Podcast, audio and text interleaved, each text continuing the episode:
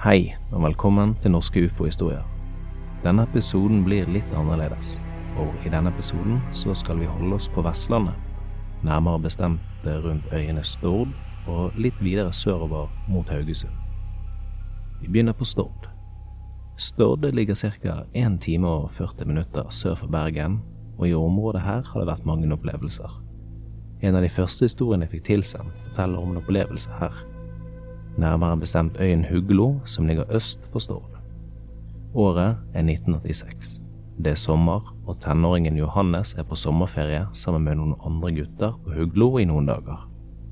De går langs landeveien denne sommernatten, helt alene. Ingen lyder, ingen folk, ingen biler, ingenting.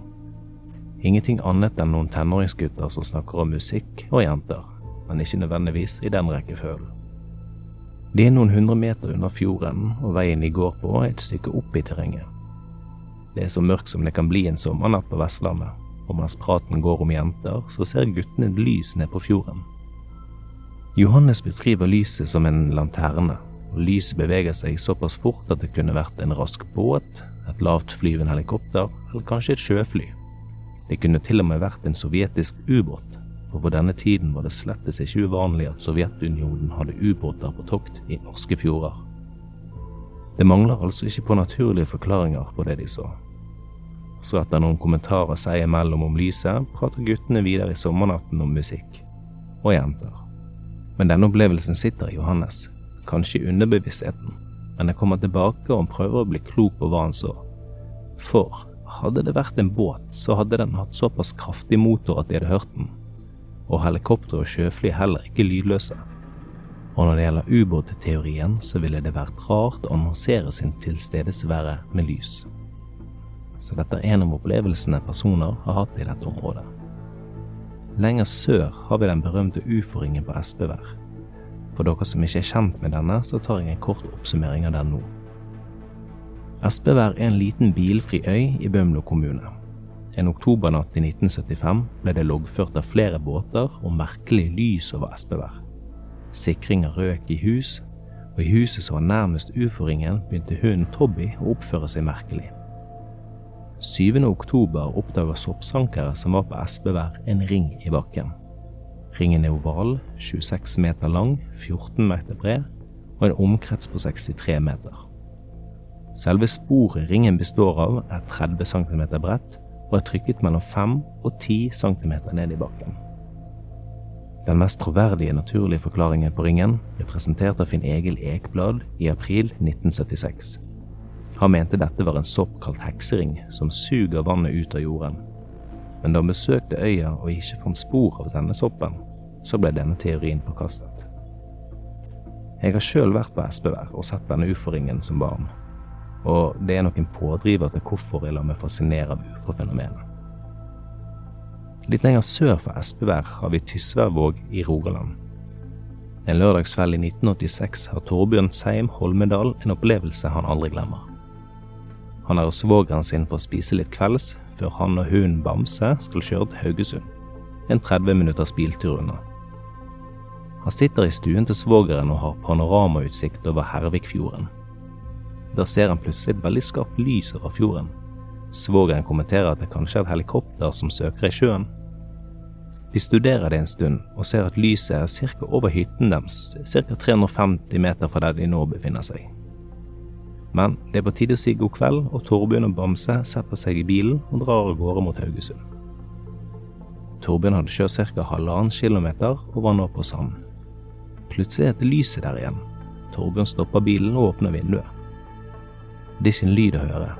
Det går kaldt nedover ryggen på han, og Bamse, som sitter ved siden av, reagerer sterkt. Han skjelver, ørene står rett opp, og han knurrer så fråden står i munnen. Torbjørn prøver å roe ned Bamse, men til ingen nytte.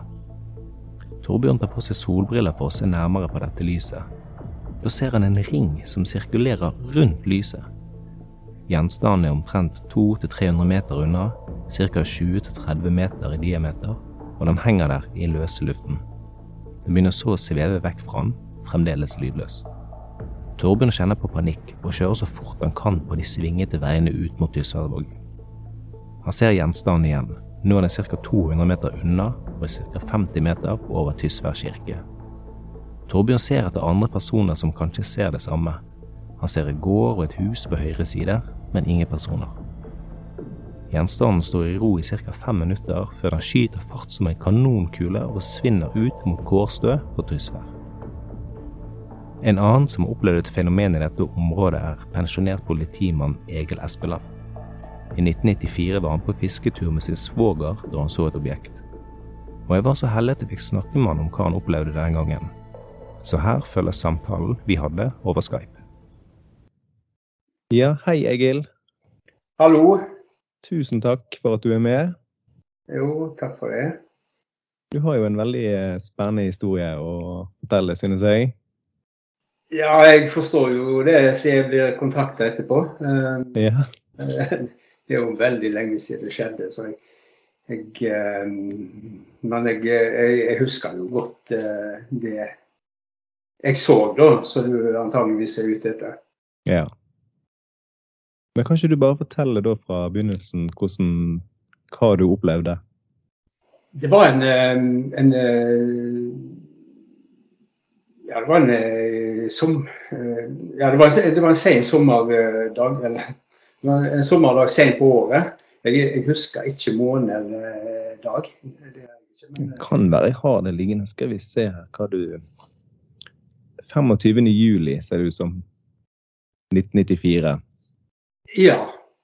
Jeg husker det hadde vært eh, fint vær i, i, en lengre periode med mye sol og skyfri himmel. Vi eh, ferierte ute på ei hytte utenfor Fitjar. Mm. Ei eh, heter Tranøy.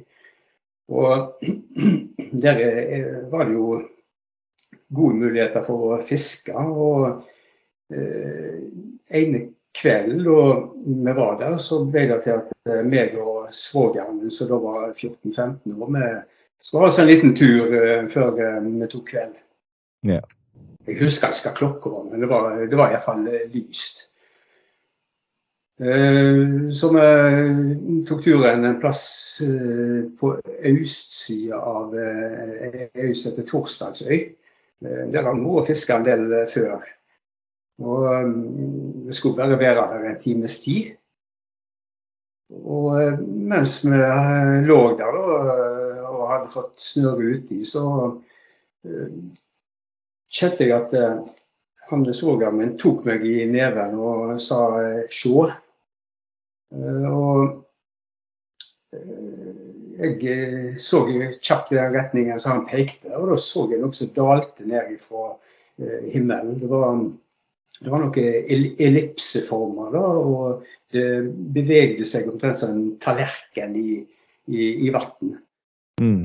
Da det bare dalte ned. Og eh, så stoppet bevegelsen opp i uh, horisontal uh, i, i, vertikal retningen. Og, og så skjøt det, det plutselig fart, og så for bak en uh, fjellknaus på ei øy mot øst. Uh, det var jo en ganske Det var et stykke uh, borte, men mm.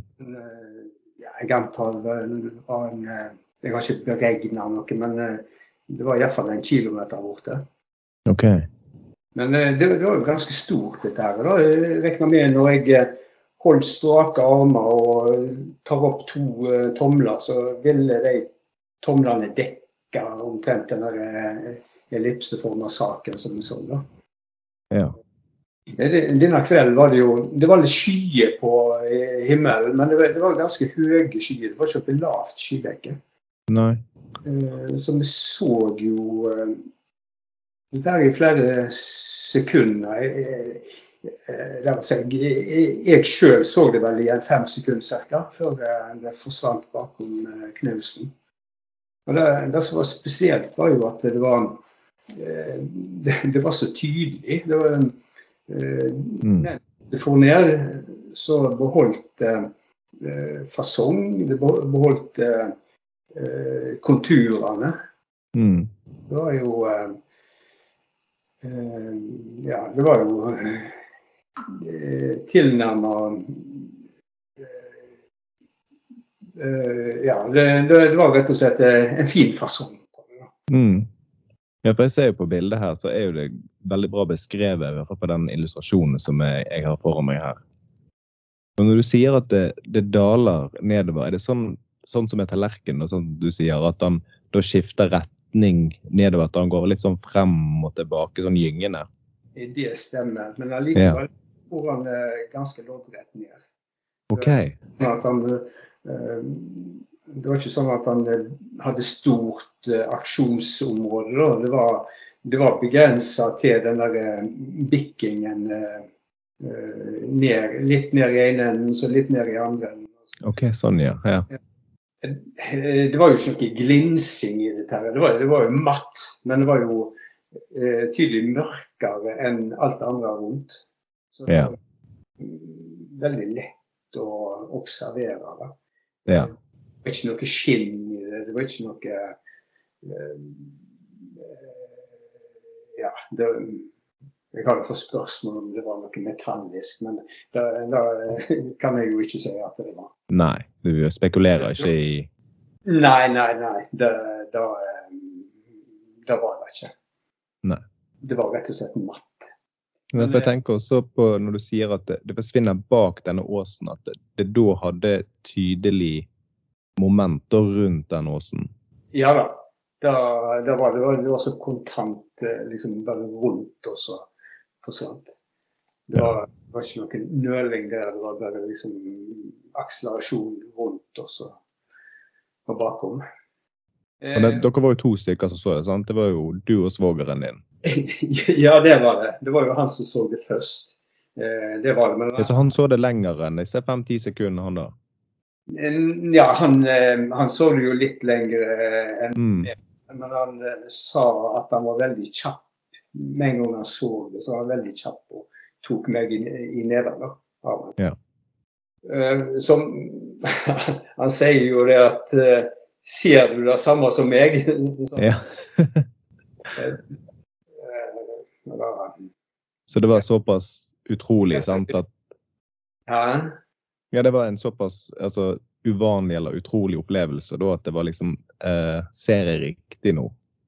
Ja det, ja. ja. det var jo det. Eh, men det, ja, og det, det, var jo ikke, det var jo ikke gjennomsiktig da, eh, da jeg eh, så. Nei. Det var, det var grått matt og, og ja, ikke gjennomsiktig. Nei. Ja, men Jeg syns jo begge at dette var, var så, uh, veldig merkelig. da. Mm. Jeg tenker jo at Dette så dere i juli, og så i oktober så velger du da å gå ut i avisene med dette? Mm, ja, det var, det var, jo litt før. Um, okay. Det var ikke så veldig lenge etter at uh, jeg, vi kom tilbake, så at jeg var begynt på jobb igjen. og mm jeg hadde jo kontrakt med en journalist på den tida i forbindelse med jobben. Og, ja, for du, du, var politimann på den tiden, sant? Ja, det stemmer. Det stemmer. Ja. Um, så jeg tok det opp med, med journalisten. Han hadde, fått, hadde hørt noe om noen observasjoner ut på den tida der. da. Ok, og det var ikke, det var ikke deg og svogeren sine observasjoner? Det var noen andre som hadde sett noe? Nei, eh, jeg, jeg, lurte på om at eh, det har fått melding om noen som har sett noe, eh, okay. noe, noe lignende på den tida. Ja, skjønner. Jeg var jo litt forveten om, om det var andre som hadde gjort noe lignende observasjon. Men det var det jo ikke. Så gikk det en stund, og så var journalisten plutselig interessert i å lage en, en liten reportasje. da. Så jeg tenkte jo ikke at dette skulle bli så voldsomt av. Nei. Men eh, det, det, var jo tydelig interessant for flere. da. Ja da, det, det er jo liksom litt spennende. For uh, grunnen til at jeg tar kontakt, er jo fordi at det er jo ikke bare du som har hatt opplevelser si, rundt Stord og dette området her. Det har jo vært, eh, som jeg vet om, så vi har jo ufo-ringen på Espevær, som de fleste sikkert kjenner til. Ja. Sant, på 70-tallet. Og så har jeg vært i kontakt med en som hadde en opplevelse på, på Huglo. Huglo, Huglo. Jeg vet ikke helt hvordan vi uttaler det, men Og det er jo på si naboøyen til Stord. Mm. Så det har jo vært noe hva skal vi kalle det, aktivitet eh, i dette området før. Jeg er jo ikke sånn som går rundt og, og eh, tror på at man blir hjemsøkt av eh, andre plan planeter. Jeg har, jeg har en sånn sunn skepsis til uh, sånne observasjoner. Og, uh, men jeg, jeg vet jo ikke hva, hva det er da vi så. Nei, sant. Og det er jo det som Det, det vet jeg jo ikke. Det kan godt hende det er en naturlig forklaring på det. Eh, Som sagt så hadde det vært Det, det, det var et uh, værskille på gang. Uh, det var det. Men uh, jeg har aldri sett ei sky som har opp, oppført seg. Nei, sant. Det, det, det kommer rett og slett ifra skylaget. Et, et høyt skylag og rett ned. Og videre nedover, ja. Ja, det gjør det. Men har du, har du hatt noen sånne opplevelser i ettertid? Nei. Aldri, aldri før eller siden? Nei, jeg hadde fortrengt fortrengt. Jeg hadde glemt det når du tok kontakt. OK. Jeg måtte bare begynne å memorere litt på nytt. Men, eh, men eh, akkurat den episoden husker jeg jo.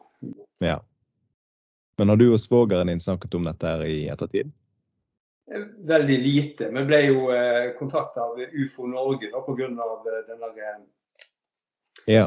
den artikkel i Eller reportasjen i eh, Haugesunds Avis. Mm. Eh, Så eh, da sendte vi inn en, en kort rapport etter da. Da, Ja. da. Da gjorde vi jo uavhengig av hverandre bevisst, så, så snakken, diskuterte vi ikke i lag i det hele tatt før vi, før vi svarte på det. Nei. Ja, det hele er jo, det er jo litt merkelig. Jeg, jeg vet ikke om jeg hadde fortalt dette her hvis ikke man hadde to stykker som observerte det. det. Nei, for jeg ser jo det i, i Haugesunds Avis, så etterlyste du også to unge jenter som kanskje var eh, dere hadde møtt på, som var ute og fisket, de også. Ja, jeg vet ikke hva de gjorde. men bare så de lå eh, litt nord for oss. Og Ja. Men du, hørte du noe fra disse noen gang? Nei, det gjorde jeg ikke. Nei. Men Ja, det også var jo litt interessant. Det, det, det var noen fugler i nærheten, og de reagerte ikke på dette her, som dere kunne se. Nei, det var Ja, det stemmer da. Det var eh, et par um, måker som var Det var omtrent midt mellom oss og, og deg.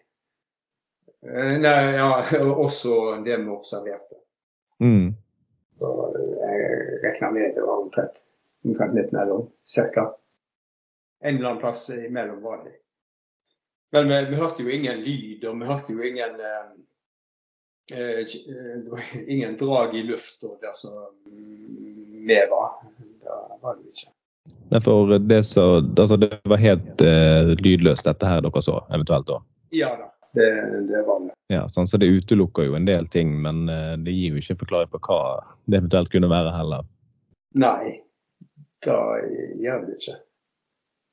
Men eh, for så vidt så lever jeg godt videre uten å gruble noe mer på det. Det gjør jeg. ja. Nei, men da, eh, da håper vi at kanskje noen som hører på, eh, har vært, eh, vært i dette området da, rundt eh, Fitja Torsdagsøy, var det det heter, Ja. Ja. I juli 1994. Så hvis det er noen som har sett noe da kan eh, være med og bidra til å løse dette, det hadde jo vært veldig spennende. ja, det er jo spennende. Nei, men da sier jeg eh, tusen takk eh, for, eh, for at du ville fortelle om dette. Og så får vi håpe at noen eventuelt tar kontakt. Ja, lykke til, til videre med den jobben du gjør. Jo, takk for det. Det var historiene for denne gang. Tusen takk til Johannes og Martin som sendte inn sine historier. Og ikke minst tusen takk til Egil Espeland som stilte opp via Skype. Stedene vi har vært innom i episoden ligger i et område som dekker 16 mil i omkrets, så geografisk er det et lite område, men til gjengjeld så virker det som det har vært mye aktivitet her. På Buy Me a Coffee-siden til podkasten så kan du få tilgang til kart, avisartikler og mer. Og inn på buymeacoffee.com slash norskufo, eller følg linken du finner i episodebeskrivelsen. Har du historier du ønsker å dele? Send gjerne en mail til norskufohistorier krøllalfa gmail.com. Jeg heter Remi, og takk for at du hørte på Norske ufo-historier.